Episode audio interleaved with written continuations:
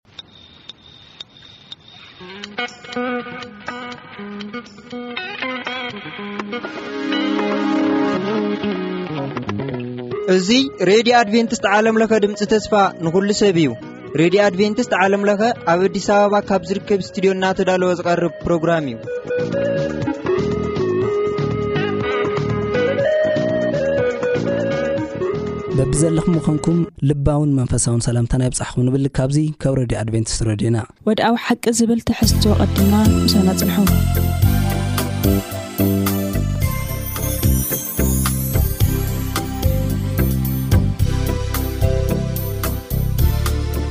ሰላም ከመይ ኦኒኹም ፍትዋት ሰማዕትና እዚ ኣብ ሰሙን ሓደ ግዜ እናተዳለወ ዝቐርበልኩም መደብ ወድዓዊ ሓቂ እዩ ኣብ ናይ ሎሚ ትምህርትና ንሪኦ ካልኣይ ትምህርቲ ኮይኑ መልእኽቲ እግዚኣብሔር ንዓና ብዝብል እዩ እዚ ከዓ ኣነ እስከዳርን ምስ ሓውና ኣማን ፍስሃየን ኮይና ክንሪኦ ኢና ኣማን ዕድመን ኣኽቢርካ ስለ ዝመፃኻ እግዚኣብሔር ይባርኽካ ሰማዕትና እውን ምሳና ክትፀንሑ ዕድመና እዩ ኣማኒ ካልኣይ ትምህርቲ ንሪኦ ኣብ ምንታይ ዘድሀበ እዩ ብጣዕሚ እዩ ዘመስግን እግዚኣብሔር ይባርኽኪ እናበልኩ ናብቲ ናይ ሎሚ እንሪኦ ሓሳብ ኣብ ካልኣይ መደብ ወድዓዊ ሓቂ ከምቲ ኣርእስቱ መልእኽቲ እግዚኣብሄር ንዓና እዩ ዝብል እሞ ከም መእተዊ ጥቕስና እውን ዝተዋህበና ኣብ ማቴዎስ ምዕራፍ ዕስራን ሸሞንተን ካብ ዓሰርተ ትሽዓተ ክሳብ ዒስራ ዘሎ ሓሳብ እዩ ተተሓሓዚ ጥቕሲ ስለ ዝኾነ እዩ ስለዚ ኺዱ ንዅሎም ኣህዛብ ብስም ኣቦን ወድን መንፈስ ቅዱስን እናጥመቕኩም ዝኣዝዝኩም ኩሉ ክሕሉ ከኣ እናምሃርኩም ደቀ መዛሙርቲ ግበርዎም መጽሓፍ ቅዱስ ክዛረበና ከሎ ደቂ ሰባት ብሓጢኣቶም ካብ እግዚኣብሄር ከም ተፈልዩ እግዝኣብሄር ግን ነቶም ብሓጢኣቶም ዝተፈልዩ ብመንገዶም ዝኸዱ ደቂ ሰባት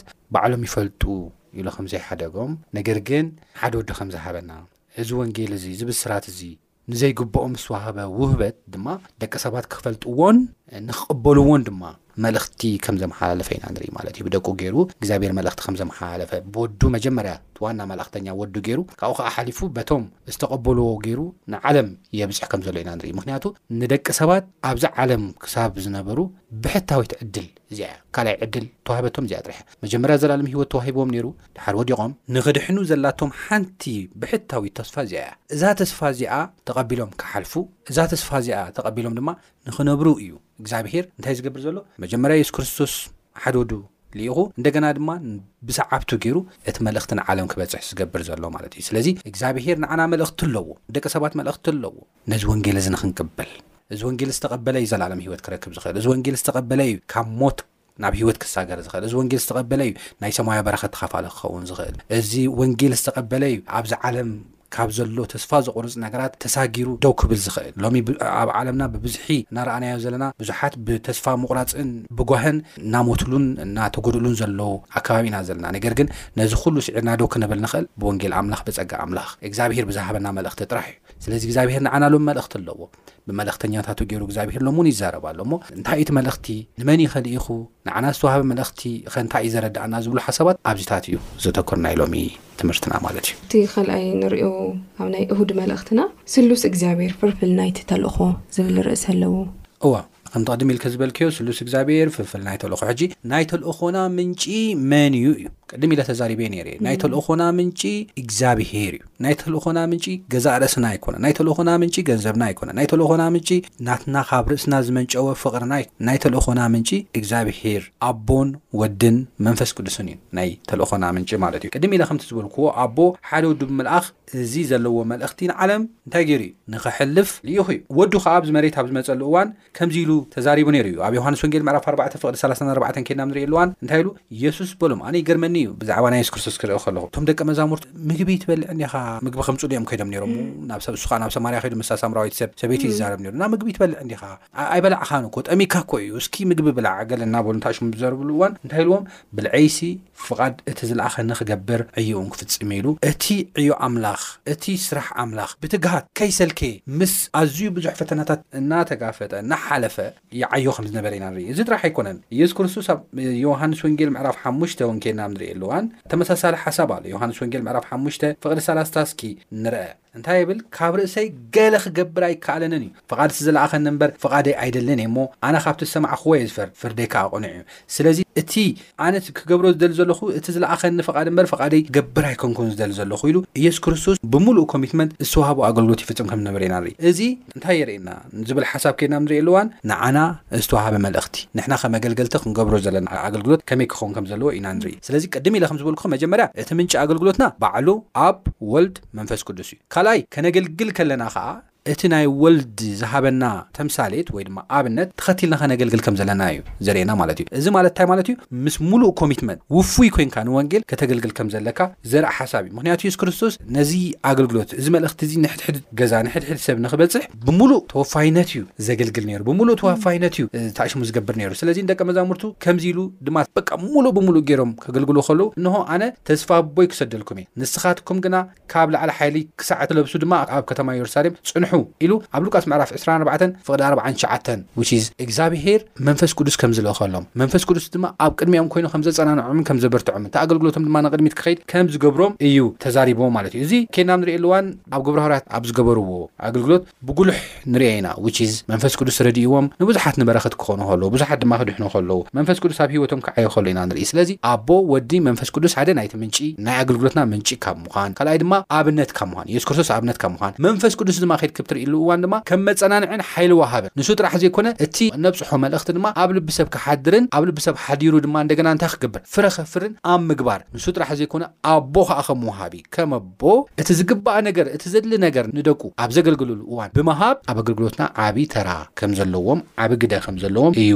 ዝነግረና ማለት እዩ። እግዚኣብሔር ይባርክካ ኣማኒ ከምቲ ዝገለጽካዮ እዩ ኣነ ኣብዚኣ ንእሽተን ዝውስኸላ ሓሳብሲ የሱስ ክርስቶስ ኣብ ምድረ ኣብ ዝነበረሉ ግዜስ ብኸመይ እዩ እቲ ተልእኾ ዝፍጽሞ ነይሩ ዝብል ነገር ክንርኢ ተለናሲ ኤቭሪ እንቲ ዝንቀሳቀሶ ነገርስ ንወንጌል እዩ እቲ ዝመጸሉ ዓላማ እዩ ዝገብር ነይሩ ብዝሓለፎ እዩ ወንጌል ዝምስክረሎም ነይሩ ብዝሓለፎ እዩ ዝፍውስ ነይሩ ዝገብሮ ነገርሲ ንታ ዝመጻላ ዓላማ እዩ ገይርዋ ከይዱ ክርስቶስ እና ንሕና ካብኡ እንታይ ኢና ንመሃር ዝብል ነገር ክንርኢ ተለና ኣብዚ ሕዚ ሰዓት ዘለና ሰባት ካብ ክርስቶስ ኣብ ዝተፈላለዩ ጽሑፋት እውን ክትርኢ ተለኻ ከመይ እቲ ወንጌል ዘይበጽሖ ሰብ ክነብጽሐሉ ትብል ተለኻ ብመጀመርያ ዝገልጽዎ ሓሳብሲ ሰባት ብጥዕንኦም ይደራደሩን እሞ ንጥዕንኦም ብዙሓት እዮም ናብ ክርስቶስ ዝመጽኡ ዝነበሩሲ ኣብዛ ሓስ ክፍውስ ከሎ ይርእዎ ብወረ እውን ሰሚዖም ዝመጽኡ እውን ነይሮም ካብ ርሑቕ ዓዲ መጺኦም እውን ንዝጥይቕዎ እውን ነይሮም እና ብፍቕሪ እዩ ንኹሉ ነገር ክገብሮ ከሎስ ብፍቕሪ ኣብ ዝሓለፋ ነገር ኩላስ ናገልገለ እዩ ሓሊፉ ዝወደቐ ሰብ ከልዕል ከሎ ንርእዮ ዝሓመመ ክፍውስ ከሎ ንርእዮ ዝሞተ ከልዕል ከሎ ንርእዮ ኣሜን ሙሉእ እንትኑሲ ኣብ ኣገልግሎት እዩ ኣሕሊፍዋ ኣሕሊፍዋ። ንሕና እውን ሕዚ ከምዚ ናይ ሙሉእ ሰዓት ኣገልግሎት ክህልወና ኣይህልወናን ካሊእ ነገር ኮይኑ ኣብ እንገብሮ ሕድሕድ ስራሕትና ክኾን ይኽእል፣ ካሊእ ነገር ክኾን ይኽእል፣ ንሕና ናይ ክርስቶስ ደቀ መዛሙርቲ ከም ምዃንና ምርኣይ ንሰባት ኣብ እንገብሮ ነገር ኩሉ ነገር ከም ኣገልግሎት ሓሲብናሲ ክንሰርሕ ከለና እውን ከምኡ ኣገልግሎት ምዃኑ ንሰባት ክንረድእ ከለና እውን ኣብቲ ዕለት ተዕለት ንገብሮ ምንቅስቃሳትና ካብ ክርስቶስ እሱ ንምሃር ኢና ኢለ ይሓስብ።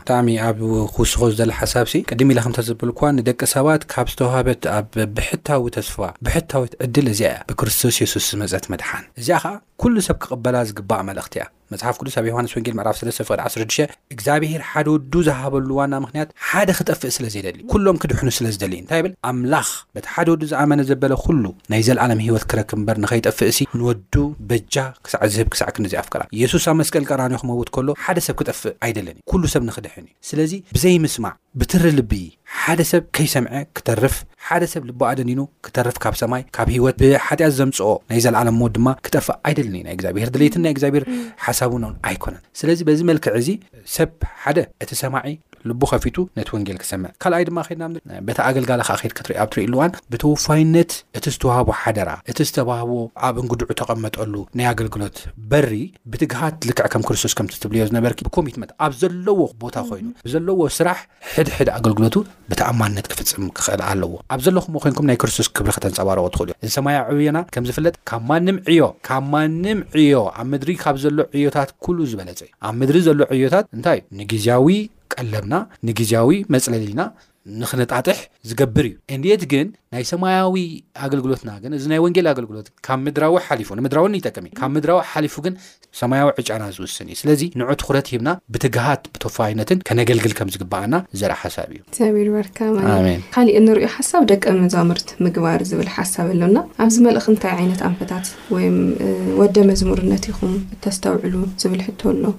ከመይ ኢና ንሰባት ደቀ መዘሙር ክንገብሮም? ጽቡቕ። ኣብ ወንጌል ኣገልግሎት ወይ ድማ ኣብዚ ናይ ሰማያዊ ኣገልግሎት እግዚኣብሄር ዝሃቦ ተልእኾ እቲ ቀንዲ ዋና ትኹረት ንሓደ ሰብ ደቀ መዝሙር ምግባር እዩ። ደቀ መዝሙር ማለት እንታይ ማለት እዩ? ደቀ መዝሙር ማለት ሰዓቢ ክርስቶስ ምዃን ማለት እዩ። ስለዚ ናይዚ ወንጌል ኣገልግሎት ኢየሱስ የድሕነካ ኣሎ ጥራሕ ኢልካ ምንጋር ዘይኮነ መድሓኒ ኣለካ ካብ ሓጢኣትካ ብሓጢኣት ካብ ዝመጽእ ጸገማት ኩሉ መፍትሒ ዘለዎ ጎይታ የሱስ ክርስቶስ ኣሎ ኢልካ ጥራሕ ምሕባር ዘይኮነሲ ነገር ግን ናብቲ መድሓኒት ከይዱ ክፍወስን ክድሕንን እቲ መድሓኒት ክጥቀመሉ ክግበር ክኽእል ኣለዎ ነቲ መድሓኒት ክስዕቦ ክኽእል ክኽእል ኣለዎ እቲ መድሓኒት ዝብሎ ነገራት ብምሉ ክእዘዝ ክኽእል ኣለዎ ብኻልእ ኣባህላ ሰዓቢ ክርስቶስ ክኾን ክኽእል ኣለዎ ደቀ መዝሙር ክርስቶስ ክኾነ ክኽእል ኣለዎ ሓደ ሰብ ንክድሕን ናይ ዘላለም ህይወት ምእንቲ ክረክብ ማለት እዩ ስለዚ ቀንዲ ናይዚ ኣገልግሎት ትኹረት እንታይ እዩ ደቀ መዛሙርነት ወይ ሰዓቢ ኣምላኽ ምዃን እምበር ካልእ ኣይኮነን እናበልና ብመጀመርያ ኣብ ማቴዎስ ምዕራፍ 28 ካብ 16 ክሳብ 20 ዘሎ ሓሳብ ከምብበልኩም ይደሊ ከምዚ ይነበብ እቶም ዓሰርተ ሓደ ደቀ መዛሙርቲ ከዓ ናብቲ የሱስ ዝኣዞም ከረን ገሊላ ከዱ ምስ ረኣይዎ ሰገድሉ ገሊኦም ግና ተዋላወሉ የሱስ ቀሪቡ ከምዚ ኢሉ ተዛረቦም ኣብ ሰማይን ኣብ ምድርን ኩሉ ስልጣን ተዋሂብኒ ኣሎ ስለዚ ክኢሉ ንዅሎም ኣህዛብ ብስም ኣቦን ወድን መንፈስ ቅዱስን እናኣጥመቕኩም፣ ዝኣዘዝኩኹም ኵሉ ኺሕልዉ እናመሃርኩም፣ ደቀ መዛሙርቲ ግበርዎም። እዚኣ እታ ትእዛዝ።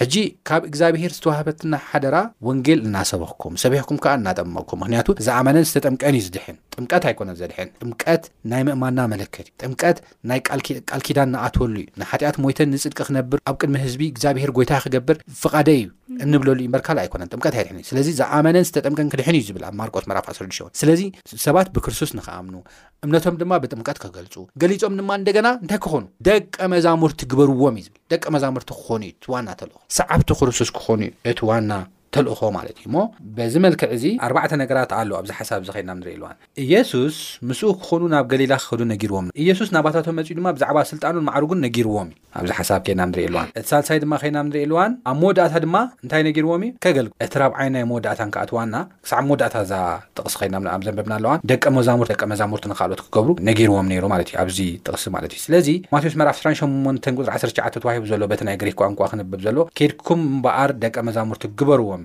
እዩ ዝብል እምበኣር ዝብል ቃል ነቲ ሕድሪ መሰረት ዝኾነ እቲ ኣብ ማቴዎስ ምዕራፍ 28 ፍቅዲ 18 ዝተዋህበ ነገር ከም ዝኾነ እዩ ዘብርህ ስለዚ ኩሉ እቲ ናይ ክርስቶስ ሓይሊ ስልጣን ልዕልና ካብቲ ካብ ሙታት ተንሲኡ ዝተረኽበ ዓወት ዝብገስ ከም ዝኾነ ዘርኢ እዩ ማይንድ ዩ ቅድም ኢለ ዘንበብክዎ ሓሳብ ኩሉ ስልጣን እንታይ ተጌርልና ኣሎ ኣብ ሰማይን ኣብ ምድርን ተዋሂበና ስለዚ ኬድኩም ብትሰብክዎ ነገራት ሰቢኩም ድማ ደቀ መዛሙርቱ ኣብ ትገብርዎ ነገራት ብምሉኡ ካብ ኢየሱስ ተላዕለዩ ካብ ክርስቶስ ተላዕለዩ ምር ካብ ገዛእ ርእስኹም ካብ ገዛእ ጥበብኩም እቲ ጽቡቕ ሰበኽቲ ስለ ዝኾንኩም ኣይኮንኩምን እናበለ እዩ ዝዛረብ ኣብዚ ሓሳብ እዚ እና ኣብዚ ብንጹር ከም ዝርአ እቲ ዓቢ ናይ ተልእኾ ሓደራ ነቲ ኣብቲ እዋን ዝነበሩ ቀዳሞት ደቀ መዛሙርት ጥራሕ ዝምልከት ኣይነበረን which is ንዓና እውን ዝምልከት እዩ ከምቲ ቅድም ኢልና ዝበልናዮ ንሳቶም ንበይኖም ናብ ኩሉ ዓለም ከይዶም እቲ መልእኽቲ ናብ ኩሉ ሰብ ከብጽሕዎ ኣይክእሉን እዮም ነይሮም ምስ ዝነበረ ናይ ትራንስፖርት ጸገም ምስ ዝነበረ ሽግራት ነገር ግን እቲ ተልእኾ ሰፊሕ ካብ ምዃኑ ዝተላዕለ ኩሎም ሰዓብቲ ክርስቶስ ነቲ ወንጌል ተረኪቦም እዮም ከብጽሕዎ እቲ ተልእኾ ዝጽውዕ ማለት እዩ which is ካብቲ ኣብቲ ግዜቲ ዝነበረ ክሳዕ እዚ ዘመንዚ ዘለና ሰባት እቲ ሓደራ ተዋህበና ከም ዝኾነ እዩ ዘርኢ ማለት እዩ። ካልእታዩ እቲ ዘለኣለማዊ ወንጌል ናይ ኣገልግሎት ተልእኾን ህዝቢ እግዚኣብሔር ከም መተሓላለፊ ሸምበቆን ዝብል ሓሳብ ከኣ ኣሎ ንሱ እንታይ ንርእዩ። ሕራይ ወንጌልና in fact ወንጌልና ክብል ከሎ እዚ ወንጌል እዚ ምንጩ እግዚኣብሔር እዩ ኢልና ኢና። ስለዚ ወንጌል እግዚኣብሄር ንበሎ ወንጌል እግዚኣብሄር ዘለዓለማዊ እዩ which is ዘለዓለማዊ ክንብል ከለና ብሰለስተ መንገዲ ክንርእዮ ንኽእል ኢና ካብቲ ዘለዓለማዊ ኣምላኽ ዝመፀ እዩ እንደገና እቲ ወንጌል እቲ ከዓ ንዘለዓለም ህይወት ንክትነብር ዘኽእል እዩ እንደገና ከዓ እቲ ወንጌል ድማ ኣብ ህይወትካ ዘለዓለም ኢፌክት ዘምፅ እዩ which is ህይወትካ ዝቕይር እዩ ምስ ትቕበሎ ምስ ትነብረሉ ለውጢ ኣብ ህይወትካ ከምፅእ ዝኽእል እዩ ህይወት ጥራሕ ዘይኮነ ክበካ ዝኽእል ዘለዓለም ለውጢ ከምፅእ ኩሉ ግዜ ደስ ትብለኒ ጥቕስላ ኣብ ዮሃንስ ወንጌል ምዕራፍ ሓደ ፍቕዲ ዓሰርተ ኣርባዕተ ጸጋን ሓቅን መሊእዎ ኣብ ማእኸልና ሓደረ ይብል። ጸጋን ሓቅን መሊእዎ ክብል ከሎ እንታይ ማለት እዩ? መጽሓፍ ቅዱስ ክዛረብ ከሎ ኢየሱስ ክርስቶስ ክመጽእ ከሎስ ጸጋውን መሊእዎ እዩ መጽኡ። ኣብ ኣእምሮኹም ክትቀርጽዎ ዝደሊ ነገር ጸጋ መሊእዎ እንደገና ከዓ ሓቂ እንታይ ማለት እዩ? ጸጋ ጸጋ ማለት ንዘይግብኦም ዝወሃብ ውህበት ኣምላኽ ንዘይግብኦም ዝወሃብ ውህበት ኣምላኽ ስለዚ ውህበታት ኣምላኽ መሊኡ እዩ መጽኡ። ንዘይግብኦም ንሓጢኣተኛታት ንየሱስ ክርስቶስ ንሱ ይሰቐል ደሙ ኣባናን ኣብ ደቅናን ኣብ ደቂ ደቅናን ይኹን ኢሎም ኣብ ዝዛረቡ ሰባት፣ እግዚኣብሄር ግን ኣብ የሱስ ክርስቶስ ውህበታት ኣዳልዩ እዩ ልኢኹ ንየሱስ ክርስቶስ ውህበታት መሊኡ እዩ ልኢኹ ብጣዕሚ ዝገርም ነገር እዩ ጸጋታት መሊኡ እዩ ልኢኹ ውህበት ኣምላኽ ንምድሓን እዩ እቲ ዓቢ ውህበት ኣምላኽ ባዕሉ የሱስ ክርስቶስ እዩ። ብየሱስ ክርስቶስ ከኣ ንረኽቦም ብዙሓት ውህበታት ኣሎ። መንፈስ ቅዱስ ኣሎ። ዘጸናንዕ ጰራቅሊጦስ ኩሉ ግዜ ምሳና ዝኸውን መንፈስ ቅዱስ ኣሎ። ዝመርሓና ዘምህረና ኣሎ። ካብኡ ብተወሳኺ ከኣ ዘድልየና ኩሉ ምኽንያቱ እዛ ዓለም እዚኣ ብሓሶት ድያብሎስ ናይ ሓሶት ኣቦ እዩ ተባሂሉ። በዚ ናይ ሓሶት ኣቦ ዝኾነ ድያብሎስ ዝጸልመተት ዓለም እያ። ክጅመር ከሎ ሓጢኣት ናብዛ ዓለም ዝኣተወ ብሓሶት እዩ። ሓስዩ እዩ። ኣይትሞቱን ኢኹም ኢሉ እዩ ታፍረ ክበልዕዋ ገይርዎም። ደድሕሪኡ እውን ሓሶት እናቐጸለ ከይዱ ክሳዕ ሕጂ እዩ። እዚ ሓሶት እዚ ግን ምቕጻሉን ምስፍሑን ጥራሕ ኣይኮነን ክንርኢ ዘለና። መጽሓፍ ቅዱስ ሓሶት ሓጢኣት እዩ።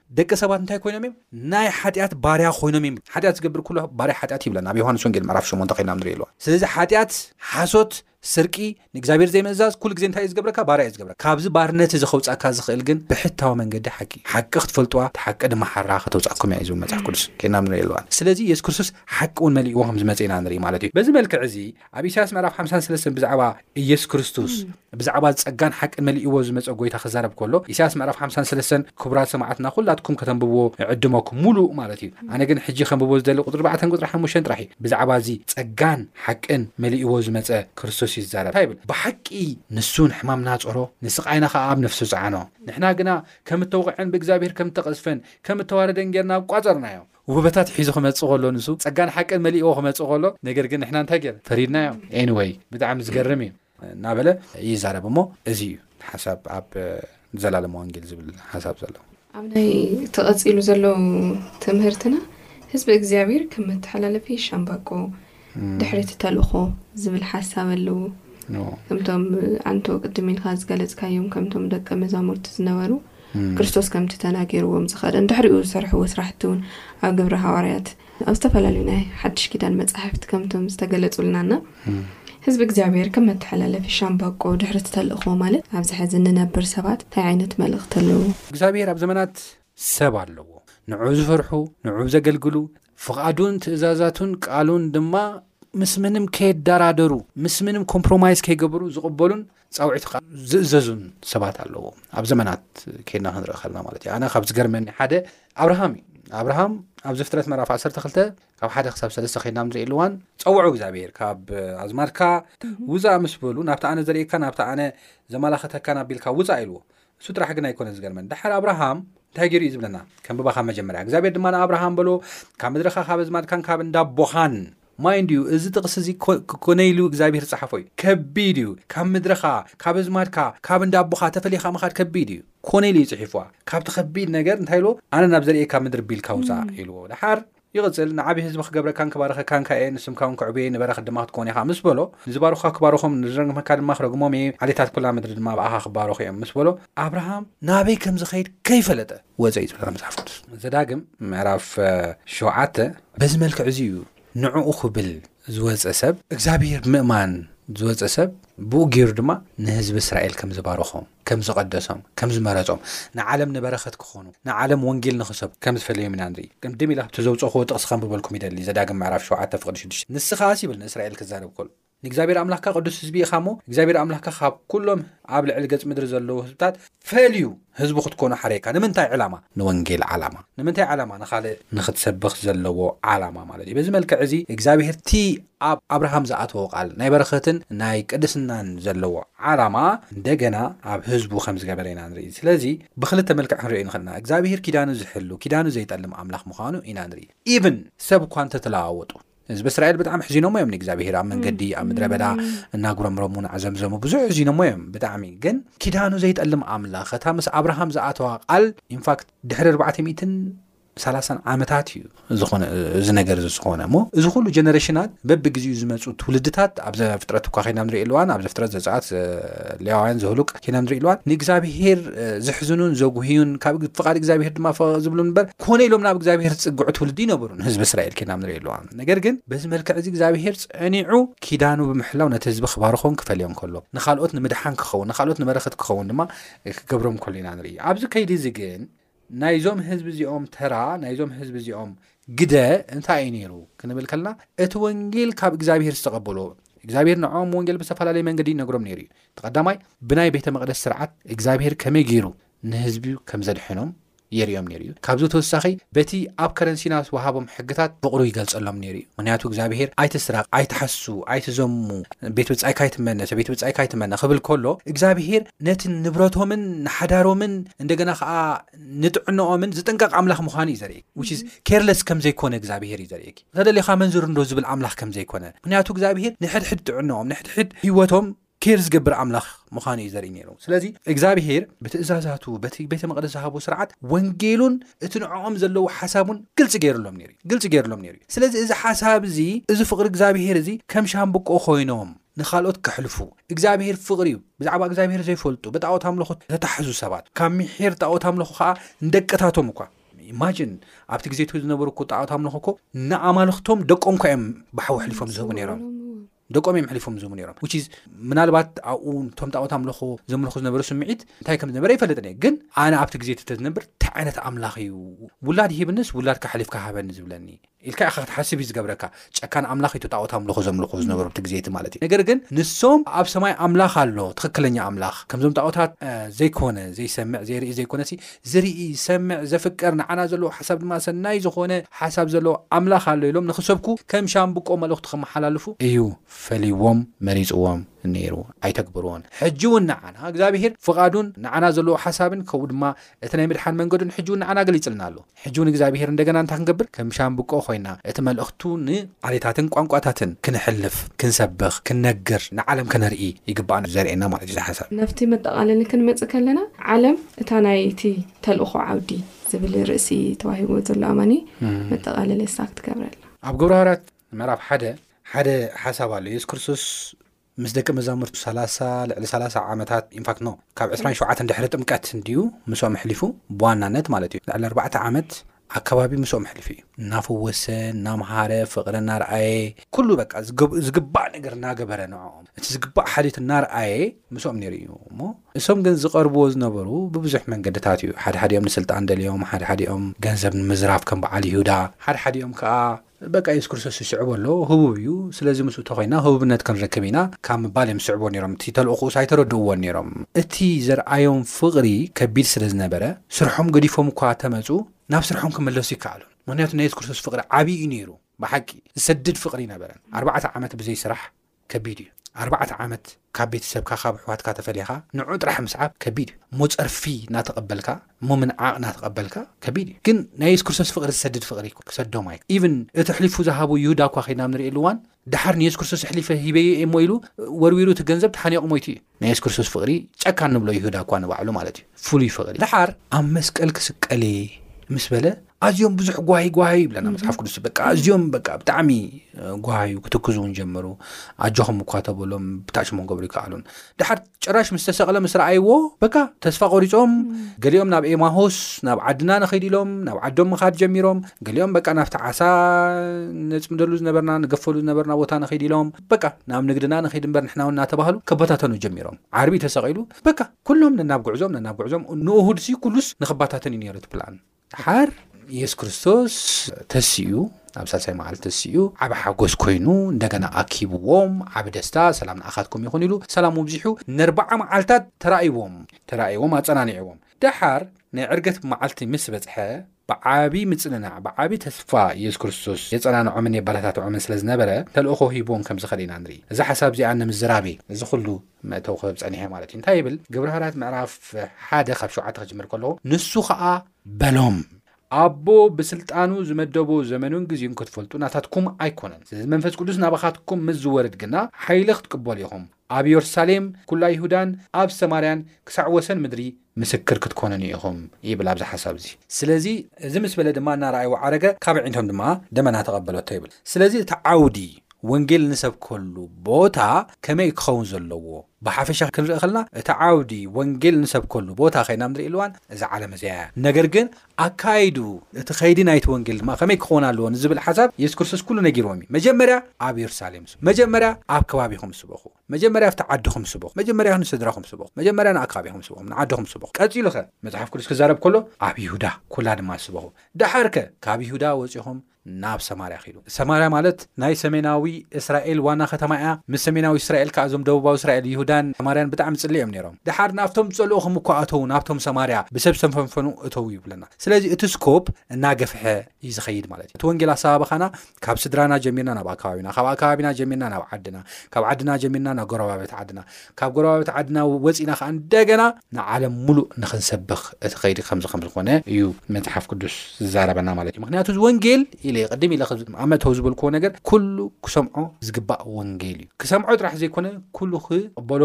ዘለዎ ወንጌል እዩ። ምክንያቱ ንሰብ ኣብዛ ምድሪ ዘላቶ ብሕታዊት ተስፋ ካብ ዘላለም ሞት ከምልጥ ካብ ዘላለም ጥፍኣት ከምልጥ ዘላቶ ብሕታዊ ተስፋ ወንጌል ምቕባል ጥራሕ እዩ። የሱስ ክርስቶስ ከም ግሊ መድሓኒኡ ጌርካ ምቕባል ጥራሕ እዩ። ካብዚ ወጻኢ ካልእ መድሓኒ የብሉን። ካብዚ ወጻኢ ካልእ ኣማራጺ የብሉን። ካብዚ ወጻኢ ሞት ጥራሕ እዩ ዝጽበያ። ካብዚ ወጻኢ ጥፍኣት ጥራሕ እዩ ዝጽበያ። ካብዚ ወጻኢ ሽግር መከራ ጥራሕ እዩ። ስለዚ ንየሱስ ክርስቶስ ክቕበሉ ኣለዎም። ንሕና ከኣ እቲ የሱስ ክርስቶስ ክንሰብኽ ኣካይዳ እናተጠቀምና ንኻልኦት ከነብጽሕ እዩ። እቲ ዋና ናይ የሱስ ክርስቶስ ሰላም ኣብዚ ሓሳብ እዚ። እግዚኣብሔር ይባርኽካ ኣማንየ መደብ ወድዓዊ ሓቂ ናይ ሎሚ ሰሙን ኣብዚ ክንዛዝም ኢና ሪኢቶ ሕቶ ምስ ዝህልወኩም ብፖስታ ሳጽን ቁጽርና ሚእትን ኣርባዓን ሓሙሽተን ኣዲስ ኣበባ ኢትዮጵያ ወይም ከኣ ብቶም ዝስዕቡ ስልኪ ቁጽርታትና ሪኢቶታትኩምን ሕቶታትኩም ምብጻሕ ክትክእሉ ኢኹም ባዶ ትሽዓተ ሰማንያን ትሽዓተን ሰብዓን ሸውዓተን ኣርብዓን ሓሙሽተን ቴስዓ